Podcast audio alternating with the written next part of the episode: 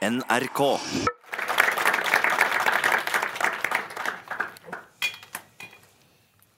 Velkommen til debatt på Studentersamfunnet i Trondheim. Her skal vi i kveld diskutere hvorvidt FN fungerer eller ikke.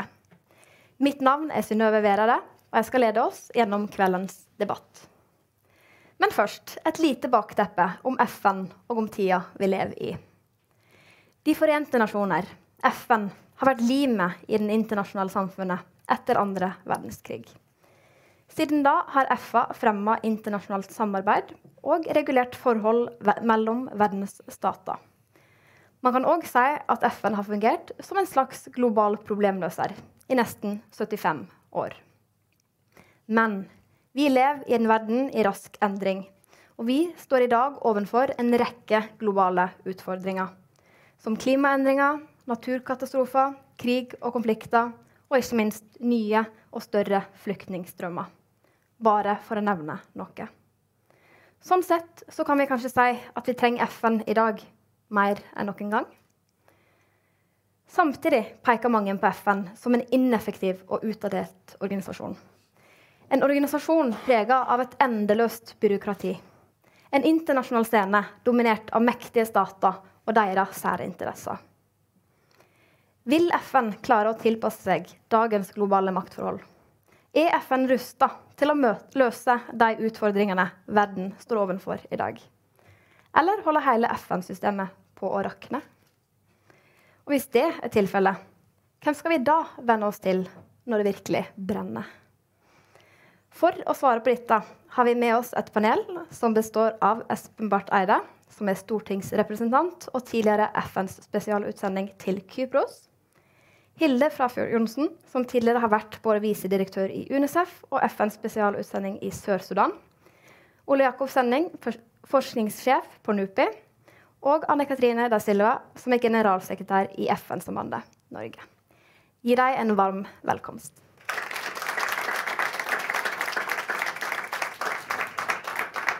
Takk.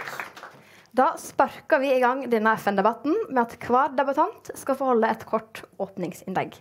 Og Da starter vi med deg, Anne Katrine og Silva. Takk for det. Veldig flott å få være her. Tusen takk for det. Eh, ja, fungerer FN? Ja, vil jeg si først. Jeg har jobbet tett sammen med FN i flere humanitære kriser. Bl.a. under eh, ebolaepidemien i Vest-Afrika, eh, i Midtøsten med Syria, og nå sist under eh, flyktning- og migrasjonsutfordringen i Europa. Og jeg blir imponert når jeg ser FN som en aktør. Da bærekraftsmålene ble vedtatt i 2015, så var jo det en seier. Det var 193 land som ble enige om en felles handlingsplan. Og det tenker jeg også at dette er veldig bra. Dette er noe som FN har stått bak sammen med mange andre. Og Bærekraftsmålene, som er 17 mål, de handler ikke først og fremst om bistandspolitikk. Men det handler mye om hva vi kan gjøre her hjemme. Og det er å sikre sosial og økonomisk utvikling som tar hensyn til klima og miljø.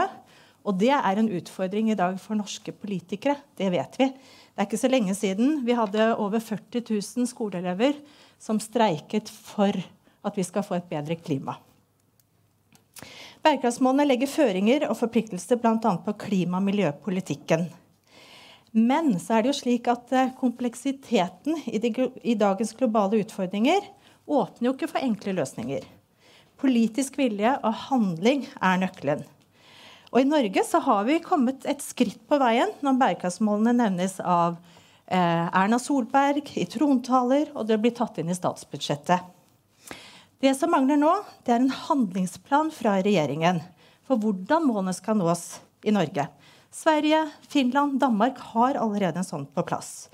Og vi vet at når det gjelder mål 12 om ansvarlig forbruk og produksjon, og mål 13 om å stanse klimaendringene, så har vi en god jobb å gjøre. I FN-sambandet er vi opptatt av å gi relevant og god kunnskap, oppdatert kunnskap om internasjonale forhold og øke forståelsen for FN. For det er viktig å vise hvordan internasjonalt samarbeid gjennom FN kan bidra til løsninger på dagens globale utfordringer. Og Der er jo både bærekraftsmålene og Parisavtalen et godt eksempel på det. Der har vi satt oss noen felles mål. Og så har jeg lyst til å nevne at nå høsten 2020 så trer det nye læreplaner i kraft her i Norge. Noen mener at dette er en revolusjon. Vi er bekymret fordi vi ser at den globale verdensborgeren faller mer og mer ut. Og vi sier her at vi trenger for globale utfordringer så trenger vi også globalt samarbeid og løsninger. Takk. Da kan Ole Jakob Sanding få ha sitt åpningsinnlegg. Tusen takk. Takk for invitasjonen. Det er veldig hyggelig å være her eh, på Studentsamfunnet i Trondheim. Fungerer FN? Ja, men ikke sånn som vi tror og ønsker her i Norge, som en global problemløser. FN fungerer godt som en arena der stater kommer sammen og forsøker å samarbeide og bruke diplomati. Der er det fredelig samarbeid som er normen. Man møtes for å forsøke å bli enige og løse globale utfordringer. Og det å forsøke å samarbeide er en verdi i seg selv. Det er viktig. Det fungerer også ganske godt som en arena, som eh, Anne Katrine akkurat nevnte, for å mobilisere eh, både statlige og ikke-statlige aktører for å f.eks. nå bærekraftsmålene eller eh, knytta til Paris-agendaen.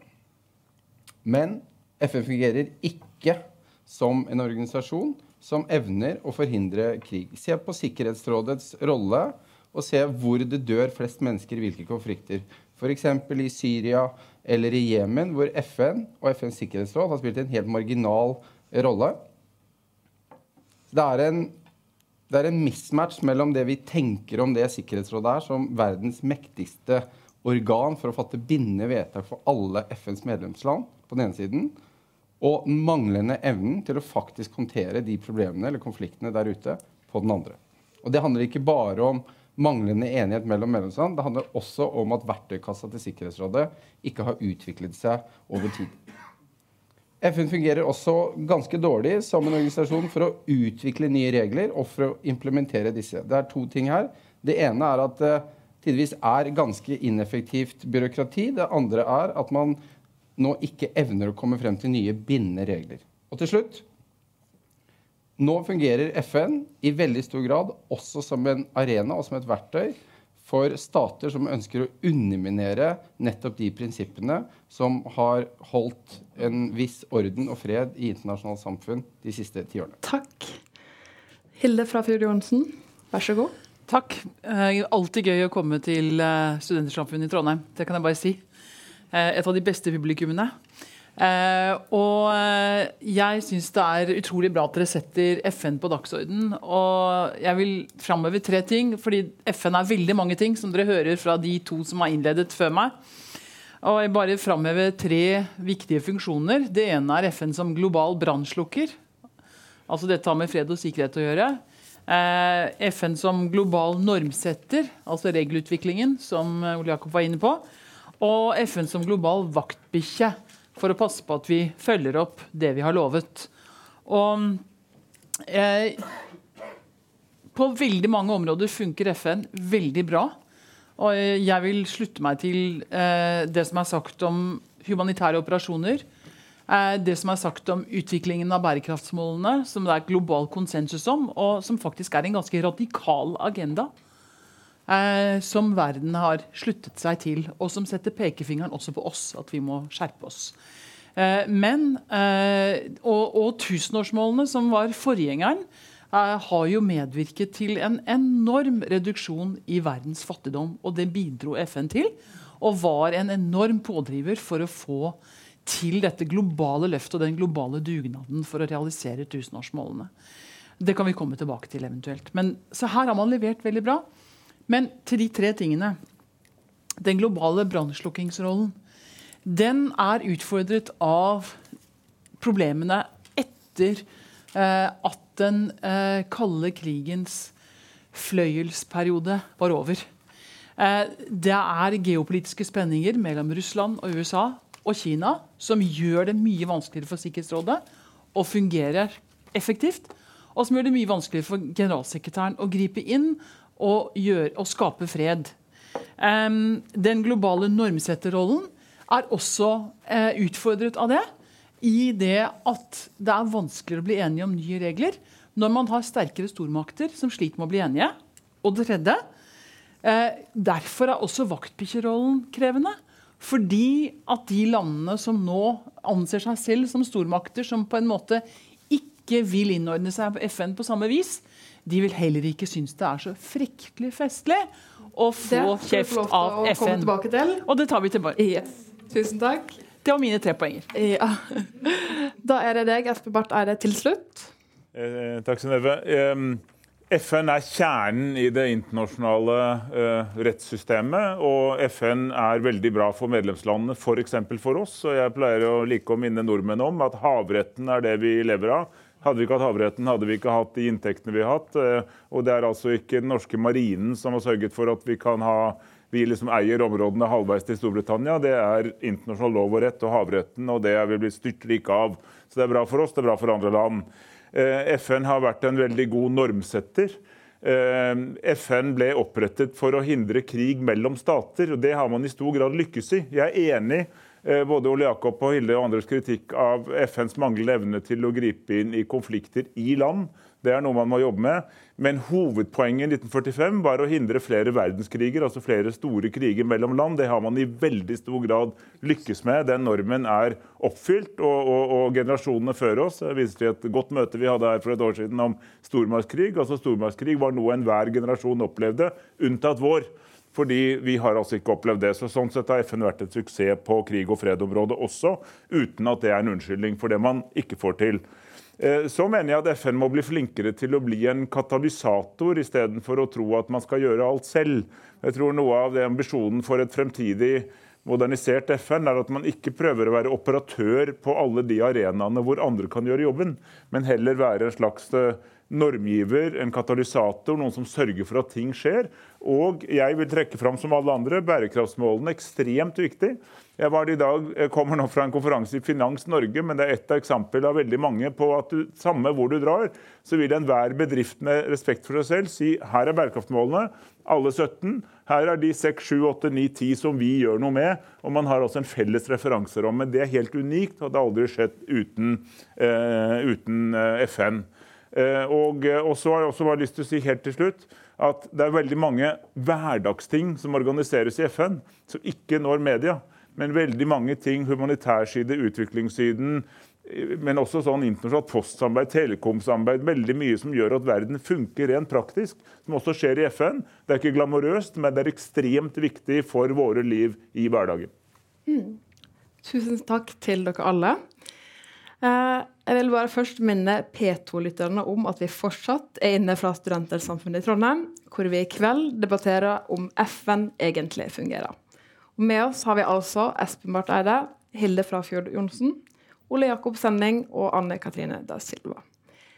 Eh, jeg vil spille litt videre på det som egentlig flere av dere har snakka om. Eh, altså det at FN har en normgivende funksjon. Eh, jeg vil først kaste ballen til deg, Ole Jakob. Fordi i forbindelse med den årlige FN-dagen i høst, så skrev du en ganske kritisk artikkel om FN. Og her sier du at FN ikke har lykkes med å utvikle regler for verdenssamfunnet og at man i større grad baserer seg på frivillig samarbeid. Eh, så jeg har egentlig tenkt å spørre, Hva mener du egentlig med det? Med det mener jeg at eh, FN har utvikla mange regler, havretten, mange andre ting, over tid. Men hvis du ser på utviklingen i internasjonal rett de siste årene, siste tiåret, så skjer det veldig lite. Det har stoppet helt opp, nesten. Det eh, siste er Parisavtalen, som er en traktat i henhold til etablerte prosedyrer for det. Men det er en traktat som da er basert på frivillighet. Det er det som heter pledge and review. så det er sånn at Man, liksom, man lykkes å komme frem til en enighet fordi det var basert på hvor mye hver enkelt stat ville bidra med og melde inn, snarere enn binde regler for alle sammen. Mm. Men hvorfor har det stoppa opp? Ja. Espen? Ja, altså, um, det er riktig at, at det går, er en bevegelse mot avtaler som er mer, litt mer i den karakteren som uh, Ole Jakob beskriver. Jeg slutter meg til det. Men det er ikke nødvendigvis negativt. fordi at Problemet var jo ofte at veldig mange ville få til noe, og så var det liksom tre-fire som ikke ville. Og på en måte kan man hoppe over og si at ja, men altså, glem dem, da. La oss andre liksom, som vil noe, drive det videre og sette en slags internasjonal norm. Det kan også være noen oppsider ved det. Jeg var i Katowice, som er det siste klimatoppmøtet som var rett før jul. Og da var vi bekymret. Da var jeg ganske bekymret da jeg dro, for at kanskje ikke det ville lykkes i det hele tatt pga. Trump og og liksom det nye klimaet som er i internasjonal politikk. Men de klarte altså å levere på en sånn regelbok som kunne vært bedre, men den er mye bedre enn den kunne ha vært også, i forhold til å gjøre Paris-forpliktelsen enda mer tydelig. Så på sak nummer én i verden, så det jeg virkelig mener at det er, det er å ta tak i klimaendringene, så er det FN som er rammen.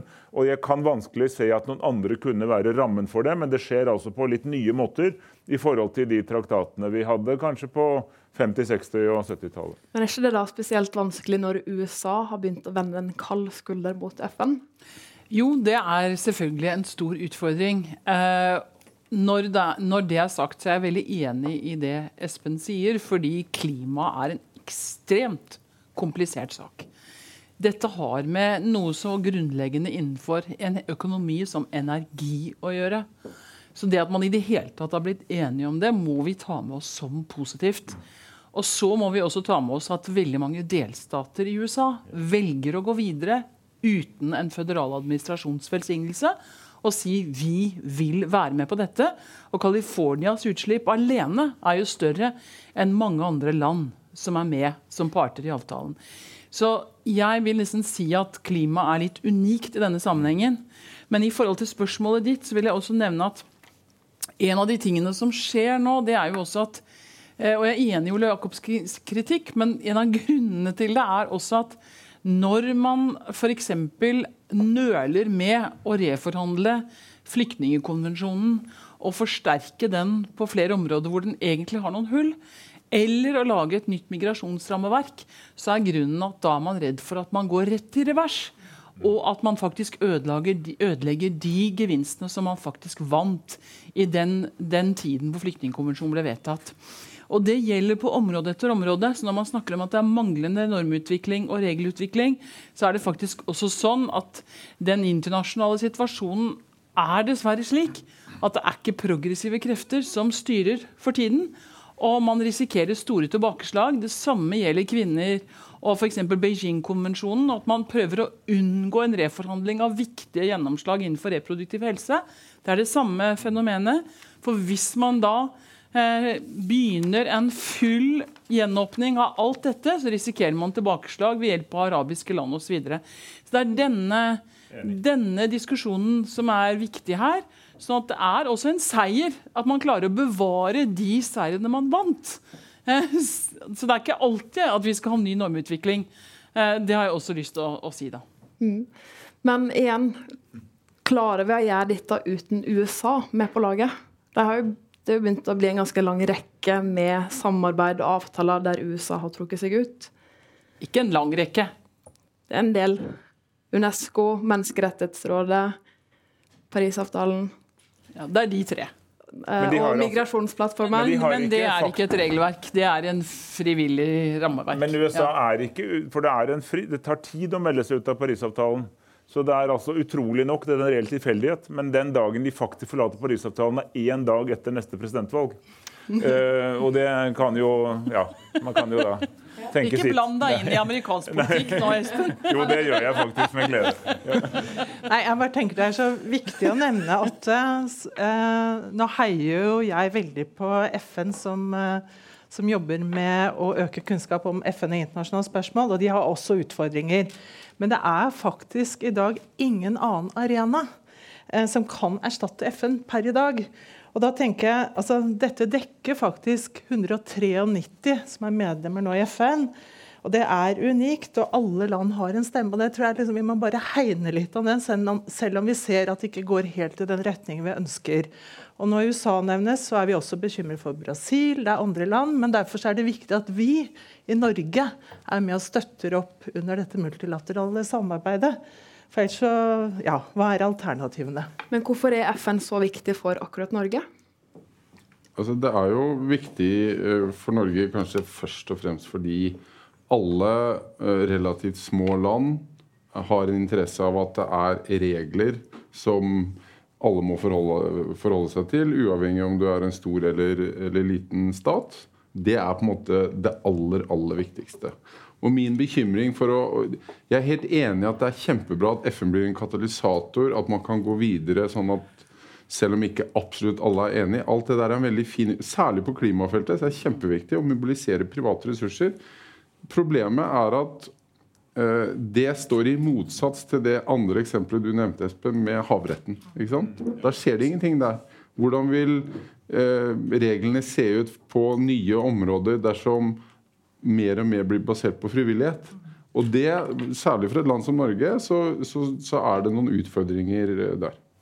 Jeg, har, altså, en av de tingene jeg er ganske stolt av i min karriere, er at jeg var ganske sentralt med på å få til klasevåpenavtalen. Altså forbudet mot en bestemt våpentype som er spesielt, eh, altså ligner på landminer som slippes fra fly. Da, for å si det enkelt. Og Det var altså de siste, var vel den siste uh, nedrustningsavtalen som ble noe av. Uh, den Samtalen om det begynte i FN. Så tok vi det på en måte ut av FN med FN-ledelsens velsignelse og hadde en parallellprosess, og så ble det tatt inn igjen på slutten. Da var altså Samtlige supermakter og stormakter var liksom dead against, var kjempesure på oss fordi at vi dro i gang dette. Det lyktes til slutt, og nå er det en internasjonal norm, og nå har de store våpenprosentene sluttet å lage klassevåpen. Og Den ble altså til i, i 2008 og ratifisert i årene etterpå, så det er ikke så lenge siden at det ble en avtale. Og det sto Norge i spissen for den. Og noen år tidligere var vi med på landmineavtalen og sånn. Så det, det, er ikke over, altså. Men, men ja det er mye motstand, det er krevende. Og, og, og, det er synd at vi nå ser mye av nedrustningsavtalene som vi har, ikke FN sine, men de bilaterale mellom det som var Sovjetunionen og USA, er i ferd med å rakne. Og vi har ikke klart å erstatte det med noe annet. Det er en, det er en stor og alvorlig bekymring. Mm. Litt videre. Eh, vi snakker jo gjerne om FN som én organisasjon. Eh, men det er jo på mange måter òg en paraply for veldig mange organisasjoner. 37 i hvert fall. 37. eh, og alle disse organisasjonene har jo en hel rekke ulike funksjoner. Eh, og det jeg lurer på da, er er det noen funksjoner som egentlig FN ikke trenger å ta seg av, som andre aktører kan overta? Jeg tenker Når Hilde eller jeg blir generalsekretær i FN i dag, så, så, burde vi bli enige om at vi legger ned en tredjedel av de organisasjonene. Altså ja. Bare slår dem sammen med andre. For det er en konglomerat. Det er, for, det er for mange ting. Alle gjør fornuftige ting, men det er for spredt. Hvis du skal legge ned én? Hvilken? Nei, det, altså, det, er ikke poenget er ikke Nei, men det er ikke det som er Jo, jo, men det, det var ikke det Ja, altså, Ungtad vet jeg ikke om vi trenger lenger, f.eks. Men, men, men, men, eh, men, hovedpoenget er ikke det. det Poenget er at det, er fordelt på for mange. Vi har for mange organisasjoner i FN-familien. Vi kunne hatt en konsolidering, gjøre de tingene, men mer eh, samla. Mm. Ole Jakob? Eh, jeg er helt enig. Ganske mange burde legges ned. Og det, logikken bak det er at det er mange andre aktører som er mye mer effektive til å gjøre det en del FN-organisasjoner gjør. Det de burde gjøre, er regelutvikling, standarder og katalysere og være katalysator for andre typer krefter. Men når du, når du nevner UNCTAD liksom, Det som skjer der, er at mange eksperter på finans, skatt, mulige, alle mulige ting møtes og utvikler nettopp de standardene som du sier kan bli globale normer etter hvert. Så man skal ikke underkjenne akkurat UNCTAD. Det var et dårlig eksempel. men, men poenget, poenget, mitt er ikke å slutte å gjøre de tingene. Poenget er at vi gjør dem i for mange forskjellige organisasjoner. Anne Katrine? Ja, altså jeg tenker jo, altså Det ser jeg veldig egentlig frem til uh, når Antonio Guterres nå han snakker om One UN Family. Uh, og dette blir sett på nå i en del av reformarbeidet. Og jeg har veldig tro på at han skal få til noe. Dette er ikke lett. Det er jo en svær organisasjon med mange tusen ansatte. Men uh, eh, f.eks. når du ser nå i forhold til Idai-syklonen nå i Mosambik og Zimbabwe og i uh, Malawi, så er det klart at istedenfor at de ulike FN-organisasjonene, altså de som er uh, program og, og, fond, at de skal mer samarbeide enn det de gjør i dag. Og Det tror jeg vi kommer til å se en utvikling på. Og det håper jeg. Mm. Ja, Det er jo tre viktige reformer som generalsekretæren har satt i gang. Jeg satt i det ene panelet på FNs fredsoperasjoner, eh, som het HIPPO. Det er uten forkleinelse for eh, tittelen. Det er da eh, flodhest på norsk. Um, uh, og uh, det andre var FNs uh, utviklingsarbeid, og det tredje er FNs administrasjon. Det siste høres fryktelig kjedelig ut, men det er utrolig viktig. Mm. Uh, og Hvis en skal snakke om byråkrati, så vil jeg på en måte avvise at, at det preger hele FN-systemet. Det gjør det ikke. UNICEF er utrolig effektive i felt. Det sier jeg ikke bare fordi jeg har jobbet der og ledet der, men det er flere FN-organisasjoner som er veldig effektive. Uh, og som ikke preges av byråkrati. Men det er i administrasjonen i FN-hovedkvarteret at dette er et stort problem. Denne reformpakken på tre store reformer skal han gjennomføre. Eh, og han er i gang og har fått tilslutning til de store linjene i disse reformene. Veldig krevende å få til, det vil jeg bare si, men utrolig viktig. Og en viktig bit av det er også utviklingsreformen, som du var inne på. Eh, som er å forsøke å få FN til å samarbeide som One UN på utviklingsfeltet. Og det er utrolig viktig for å få til resultater i bekjempelsen av fattigdom. Så her er det mye jobb som skal gjøres, men det er altså i gang. Mm. Altså, for det første, jeg var med, Det er veldig viktig, det, viktig og riktig det Hilde sier. Jeg var med i Kofi Annans uh, reformprosess midt på 2000-tallet. Og han også bidro veldig mye til å få dette One UN. altså Det, det som alle generalsekretærer begynner med å si at vi skal få uh, 'delivering as one'. Og noen ganger får de til noe, sånn at det skal også sies. altså et av en av arven etter Kofi Annan var at man fikk til såkalt integrerte operasjoner, som har vært mer samla eh, fotavtrykk av FN ute i felten. Og så er, det bra nok? Nei, selvfølgelig ikke. Er det bedre enn det var? Ja. Så det, det, det går.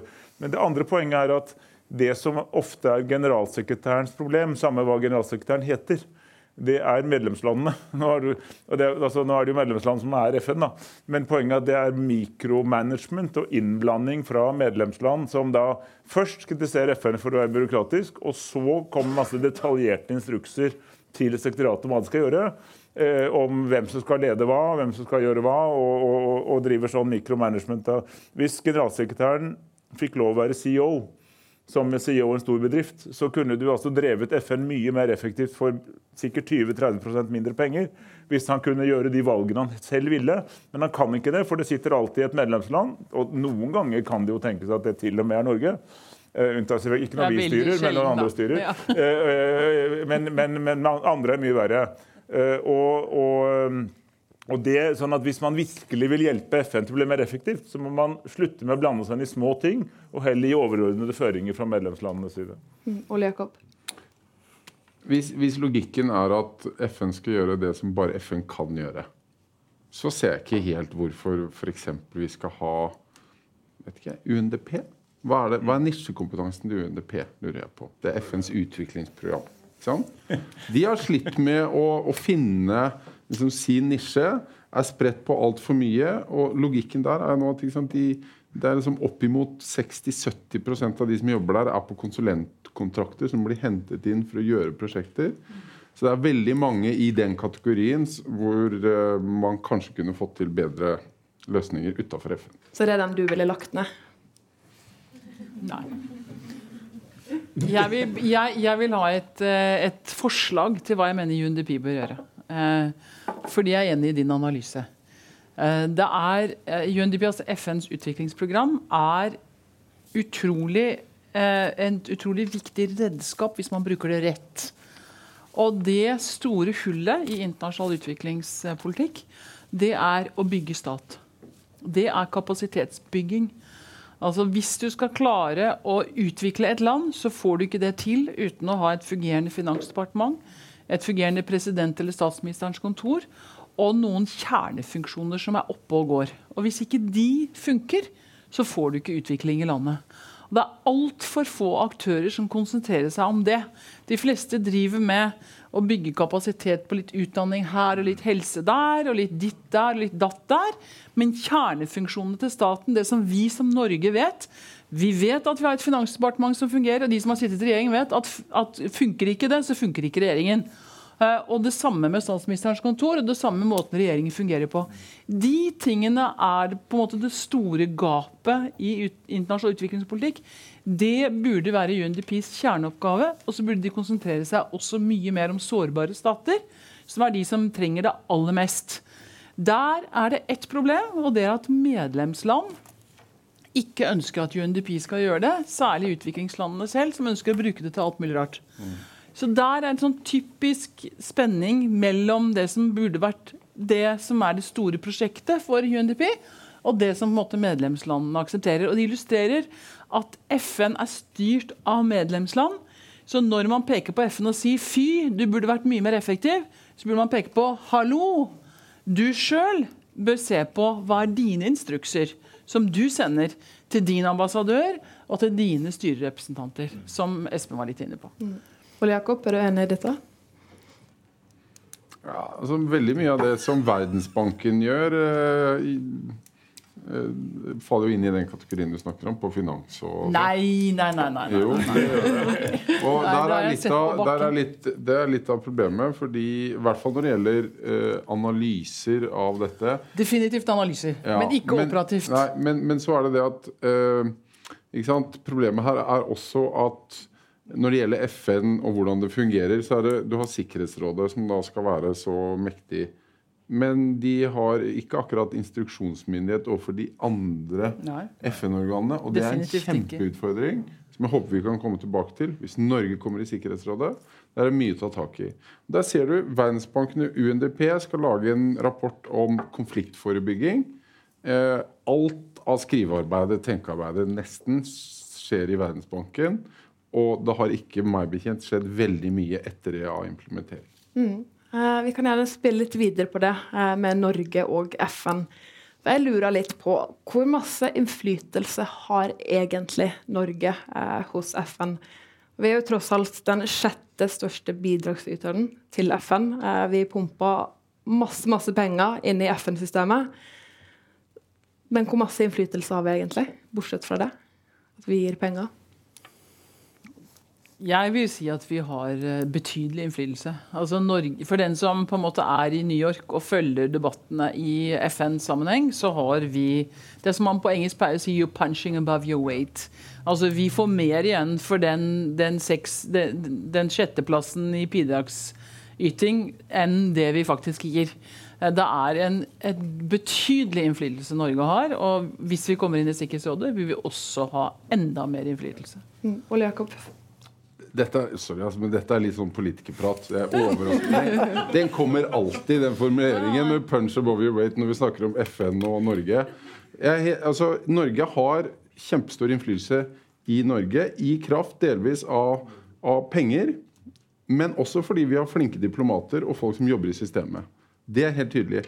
Problemet for Norge tror jeg er at når FNs eh, rolle blir mindre viktig i internasjonal politikk, så er den politiske verdien av alle de pengene man putter inn i FN, mindre. Det er jeg helt enig i, men det er et helt annet spørsmål.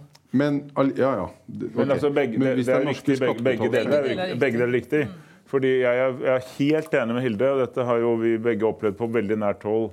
Eh, Norge har, er gode på myk makt, altså på indirekte innflytelse. Altså, ikke sant? Og det gjør, vi, det gjør vi med glans, og vi får mye mer ut av det. Og det irriterer veldig store land. Altså, jeg har opplevd i Russland og Hvorfor all verden får de til dette? Vi skjønner det ikke.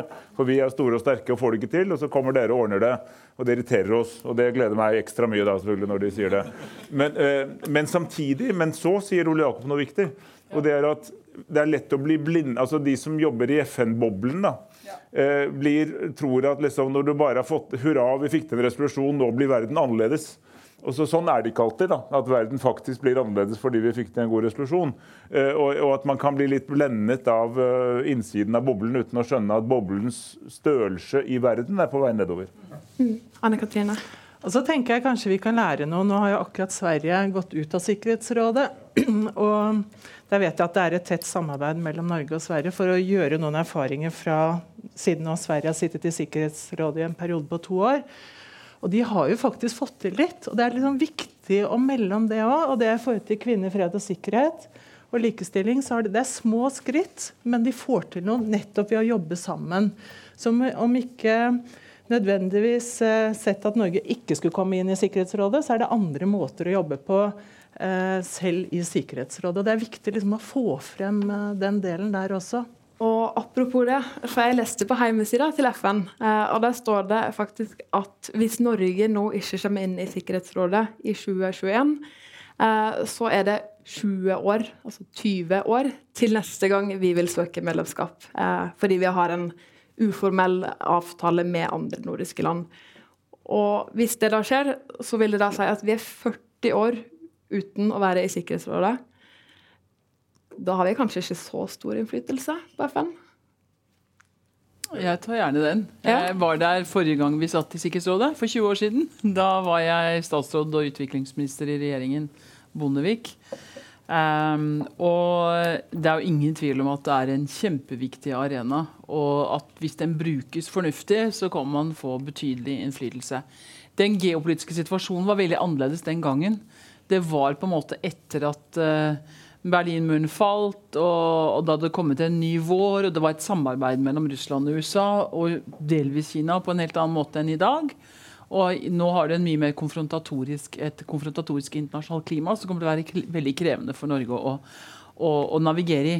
Men at det går 20 år mellom hver gang, er rett og slett en konsekvens av rotasjonssystemet i FN. Og det gjelder alle land, unntatt de fem faste sikkerhetsrådsmedlemmene. Alle går gjennom den rotasjonen innenfor sin egen gruppe. Og det går like lang tid for alle land utenom de fem store. Og den store reformen som fortsatt er på vent, er jo reformen av Sikkerhetsrådet. Hvor sikrer de fem faste altså Hva er grunnen til at britene og franskmennene har liksom et fast, en fast plass i Sikkerhetsrådet? Liksom etter den annen verdenskrig så var det vinnerne av, av den annen verdenskrig som definerte at de skulle sitte der. Eh, Og det er klart det opplever både en, en rekke andre eh, stormakter kan du si, eh, og andre store regionale stormakter som er veldig urettferdig. Men hvordan skal man få en reform av Sikkerhetsrådet når ingen av de fem landene som sitter der, har lyst til det, og bare kan legge ned veto mot den reformen? Altså, jeg mener om det, og det har jeg ment lenge, at eh, logi altså, Det er selvfølgelig helt riktig som Vilde sier, at vi har en litt spesiell konstruksjon, som er barn av 1945, altså de som vant annen verdenskrig, tok én bit stormaktskonsert fra, 1900, fra det 19. århundre. eh, Og en bit representasjon fra det 20. århundre. Og så hadde du fem faste og ti på rotasjon. Så det var, liksom en, det var en slags blanding, en hybrid mellom da gammeldags stormaktspolitikk og moderne representativ politikk. Men, så, og, og, sånn, og sånn sett så passer det ikke på vår verden. Ja, enig. Men jeg tror at hvis du forsøkte å rette på det med, flikke på det ved å ta inn noen enkeltland som har blitt, som blitt økonomisk sterkere siden, så kan det skape nye problemer. Altså, er det nødvendigvis sånn? og La oss si det var Brasil, Latin-Amerika. Altså, det først er det eneste land som ikke snakker spansk i hele kontinentet. Er det nødvendigvis sånn at Chile og Argentina føler seg veldig godt representert av Brasil? Hvis det Nigeria går inn i Afrika, vil da nødvendigvis alle land i Afrika synes at yes, nå har liksom Nigeria blitt løftet opp i en annen klasse? Og India. Eh, Eller India. Altså Pakistan tar, og, og Sri Lanka tar bølgen fordi liksom, India slipper inn i Sikkerhetsrådet. Det er ikke så enkelt. Så jeg tenker at den, den reformen den da den kommer, bør være litt mer omfattende. og Da mener jeg egentlig at det bør være regionale organisasjoner som da har de faste setene. Altså liksom EU, Afrikansk union eh, osv. kunne sitte i Sikkerhetsrådet med fast mandat og på en måte bli enige seg imellom. Eh, Så vet jeg at det ikke skjer verken i dag eller i morgen. og Da tror jeg vi skal la det, la det være som det er, og heller fokusere energien vår på andre ting enn å reformere akkurat Sikkerhetsrådet. Mm. Ole Jakob Sending? Uh, helt enig. Det kommer ikke til å skje noen ting på reform av Sikkerhetsrådet. Men det, det går an å få til eh, mer på sånn arbeidsmetoder og koordinering internt. Så da mener jeg hvis Norge kommer inn, så bør man heller fokusere på de tingene. Eh, men så tror jeg det, det kanskje den aller viktigste, fordi det er så mye i Sikkerhetsrådet som er gitt av hva de fem faste medlemmene som har vetomakt, bestemmer seg for. Og der er Norges rolle begrensa. Men det at man sitter i Sikkerhetsrådet, gir betydelig innflytelse utafor Sikkerhetsrådet. På helt andre saksfelt. Og den kan brukes ganske effektivt. Men kan en konsekvens av manglende reformering av Sikkerhetsrådet eh, f.eks. være at land som føler de bidrar masse til FN, som f.eks. Japan eller Tyskland, at de etter hvert begynner å trekke seg litt ut, fordi de føler at ja, men her får ikke vi den innflytelsen som vi fortjener? Det sier de, og så trekker de seg ikke ut. Det har jeg hørt, jeg har hørt det i mange tiår. Altså, Japan, de, Tyskland og Japan betaler masse til FN, og det fortsetter de med. Og så bruker de argumentet hver gang de vil inn i Sikkerhetsrådet. Så blir det ikke det, og så fortsetter de. Så det har gått bra så langt. Jeg skjønner det veldig godt. Altså, det er helt logisk at Japan og Tyskland lurer på hvorfor ikke de sitter der. Jeg bare, som jeg var inne på i stad, altså, hvis du legger på Tyskland skal enda et tredje land i Europa, 6% av verdens innbyggere skal enda et land i Europa sitte der. Det, er, det er veldig mange argumenter som da kommer opp, og spørsmålet er det er uansett er liksom alle, alle land er like, men noen er likere enn andre. Hvis du legger på noen til som også skal være likere enn de andre, så blir det ikke nødvendigvis god stemning i nabolandene. Hva, da, hva sier da Italia, liksom? Ole Jakob? Det, det med reform av Sikkerhetsrådet går veldig mye på legitimitet. Oppfattes dette som legitimt eh, i det internasjonale samfunn. Og Der snakker man veldig mye om representasjon og alt dette. Men vel så viktig for Sikkerhetsrådets legitimitet mener jeg, er klarer de å gjøre den jobben som faktisk skal gjøres. Så Det er liksom den andre siden av den debatten. Jeg tror Japan og Tyskland de, de får såpass mye uformell innflytelse via sin økonomiske makt, både i FN og andre steder, at det er nok ikke det største problemet. Altså Det jeg er litt opptatt av, er akkurat det Når jeg så du tenkte litt på denne debatten, så tenkte jeg legitimitet er en nøkkel. Eh, og hvis ikke FN klarer å ivareta sin legitimitet i møte med veldig mange av de globale utfordringene vi står overfor, i møte med en del av de spenningene som vi nå ser i forhold til enkeltland og stormakter, så har vi et stort problem. Og det er klart at Her vil FNs generalsekretær ha en utrolig viktig rolle å spille. Uh, og det er klart at det, det å bygge legitimitet over tid betyr også at man møter respekt for den måten man håndterer konflikter på. For den måten man har en dialog med medlemslandene på. Det er en veldig veldig, veldig vanskelig balansegang. Og der opplever jeg nok at det er en utfordring, rett og slett, for tiden, som må tas tak i. Ja. Eh, og apropos legitimitet. Eh, men først så vil jeg minne P2-lytterne om at vi fortsatt er inne fra Studentersamfunnet i Trondheim, hvor vi i kveld debatterer om FN egentlig fungerer eller ikke. Og med oss har vi da Espen Barth Eide, Hilde Frafjord Johnsen, Ole Jakob Sending og Anne Katrine da Silva. Eh, Men apropos legitimitet. eh, Fordi i høst så ble det kjent at Norge kutta 20 millioner i UNESCO-budsjettet vårt. eh, Etter at en norsk kandidat ikke fikk en FN-toppjobb. Var dette en slags straff fordi Norge ikke fikk det som vi ville? Og Betyr ikke det da indirekte at vi egentlig prøver å kjøpe oss makt? Ja, Anne Katrine? Nei, altså Vi i FN-sambandet lurte litt på da når vi hørte dette her, om vi skulle gå ut i media og mene om det. For det var på en måte litt Trump-aktig. Det har vi ikke sett, i, i hvert fall ikke i min levetid, i norsk utenrikspolitikk tidligere. Eh, eh, så kan det være gode grunner for det ble gjort, og jeg vet at de pengene ble formidlet inn i andre kanaler. Eh, men det er klart at vi må være en forutsigbar eh, partner og støtte til FN. Eh, og Det tror jeg er viktig at vi hegner litt om. og vi, det er jo det vi, Når vi nå skal inn i Sikkerhetsrådet, så sier vi at vi har vært en konsistent, konsistent partner. Vi har eh, jobbet tett opp mot FN og ønsker å støtte dems mandat og dems arena. Og da tenker jeg at Den måten å jobbe på er kanskje ikke den beste. Nei, Hilde? Jeg har ikke fått uh, gått igjennom dette liksom litt ordentlig for å se om de medierapportene er riktige. Det må jeg ta som et sånn ordentlig forbehold. Uh, men Så skal jo sies da at Daværende utviklingsminister Nikolai Astrup uttalte da at internasjonale organisasjoner ikke kan ta Norges støtte for gitt. ja, det Så så det jeg. sender jo et signal, det. Det, det så jeg. Og det er klart at det minnet meg litt om mer sånn italiensk måte å gjøre det på. Får vi ikke vår kandidat, så kutter vi. Ja, det har ikke Norge holdt på med før. Eh, så så jeg, jeg har mine tvil om, om, om virkelig man gjorde det. Men hvis man gjorde det, så er det ikke eh, noe Norge bør holde på med. Så, så det tror jeg vil si det sånn. Eh, fordi vi har fremmet kandidater eh, i veldig mange sammenhenger. Eh, og vi kommer ikke til å straffe FN pga. Eh, valg av annen kandidat. Men jeg må ta det nøye forbeholdet som jeg gjorde. Mm. Anne Katrine? Ja, og så tenker jeg at eh, eh, Apropos da de ulike FN-særorganisasjonene og eh, program og fond, eh, så er det noe som Norge har vært veldig opptatt av lenge, så er det jo nettopp dette med utdanning. Og det er eh, viktig å fortsette å ha fokus på. Det er jo Unesco sitt mandat.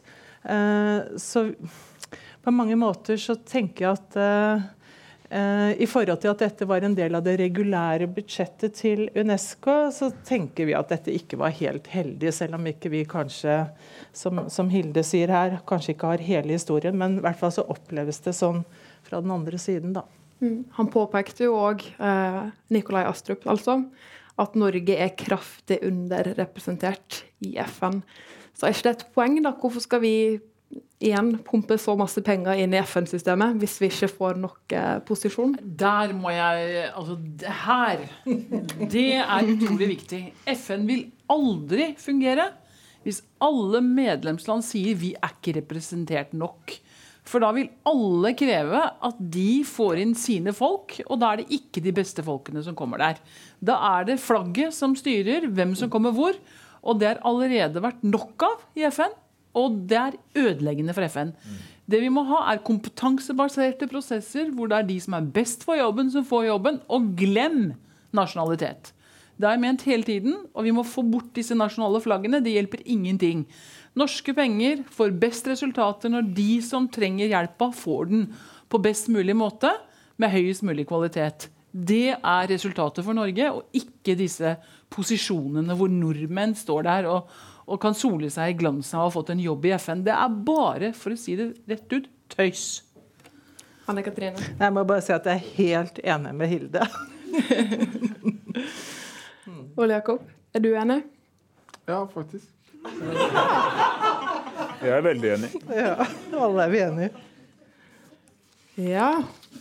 Da uh, tenkte jeg vi skulle gå litt videre. Og det sier vi som har hatt toppjobben i FN. Altså. Det funker bra, ja. uh, ja.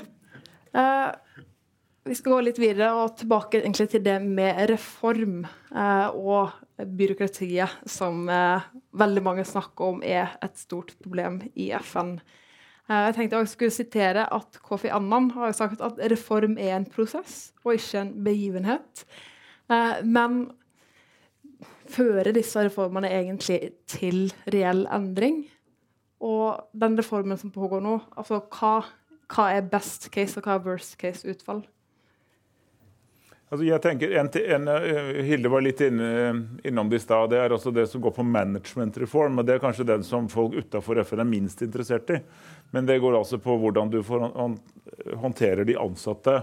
Eh, jeg tror at man hadde stått seg på å bygge en slags eh, FN-identitet og gjøre at du liksom hadde en tilknytning til FN, mer enn å være ansatt i enkeltorganisasjoner og måtte kjempe til en jobb et annet sted. Og at man kanskje liksom bygde, altså flyttet folk litt på tvers og fikk en litt bredere erfaring. Eh, og, og, og, det er en del spennende ting på gang der, men de støter da mot nettopp denne micromanagement fra medlemsland som ofte gjør de reformene veldig vanskelige.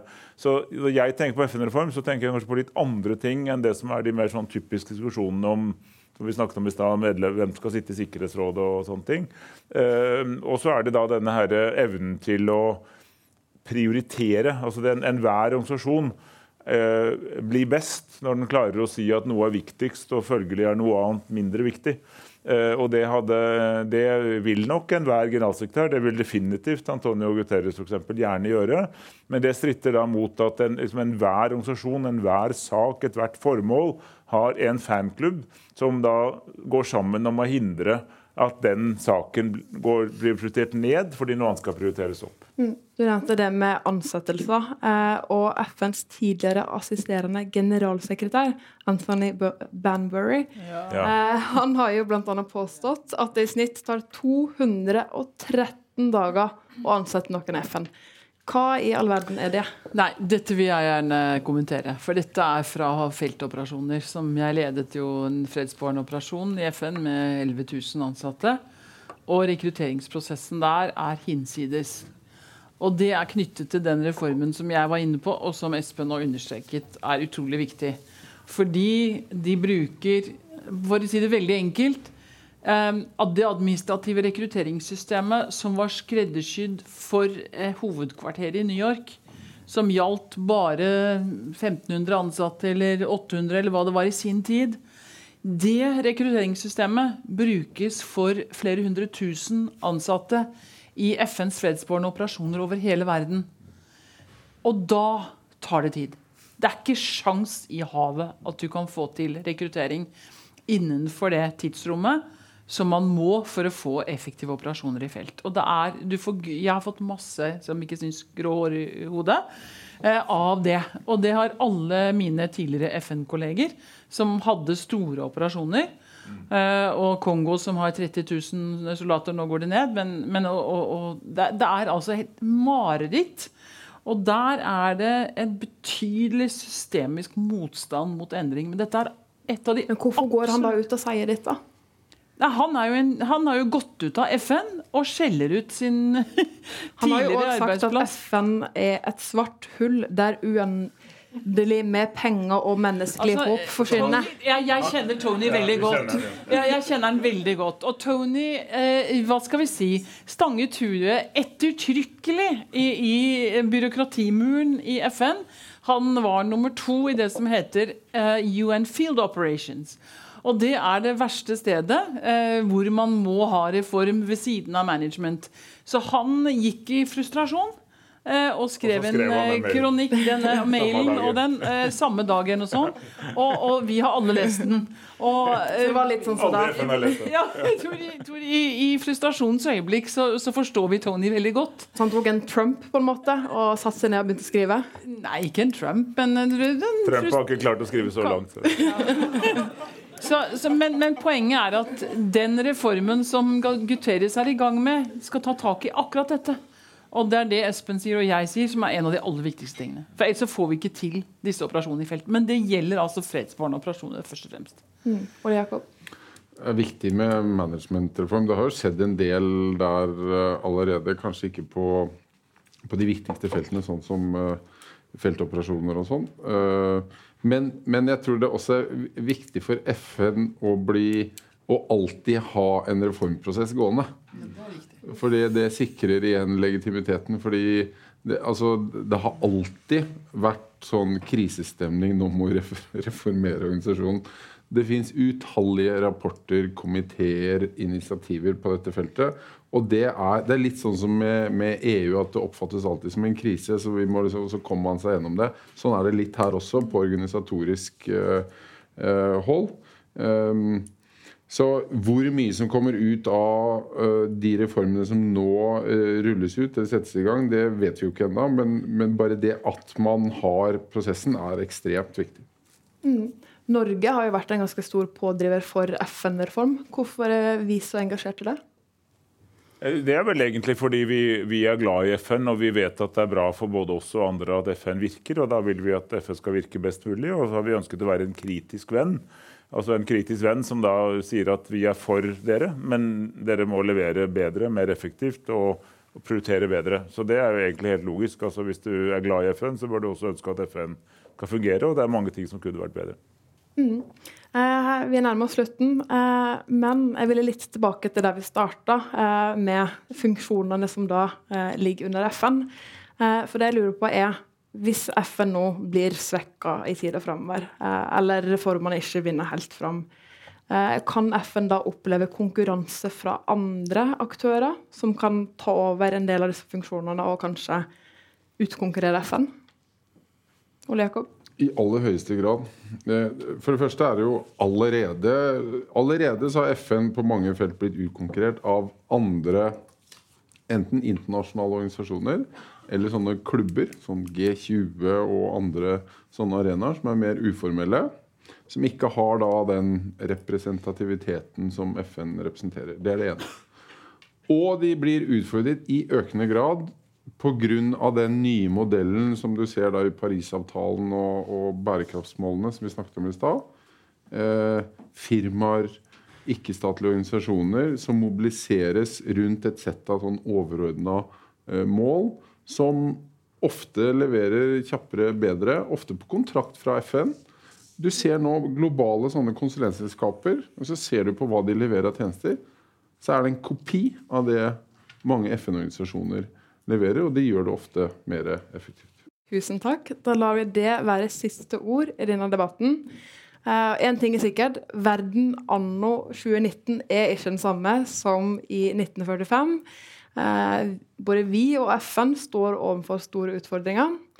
Men heldigvis har vi mange kloke hoder, som f.eks. dere i panelet, som tenker masse på dette. Og Det blir veldig spennende å følge med videre på hvordan FN utvikler seg. Så da gjenstår det bare å si tusen takk til Espen Barth Eide, Hilde Frafjord Johnsen, Ole Jakob Sending og Anne Katrine da Silva, som deltok i dette panelet. Gi dem en varm applaus.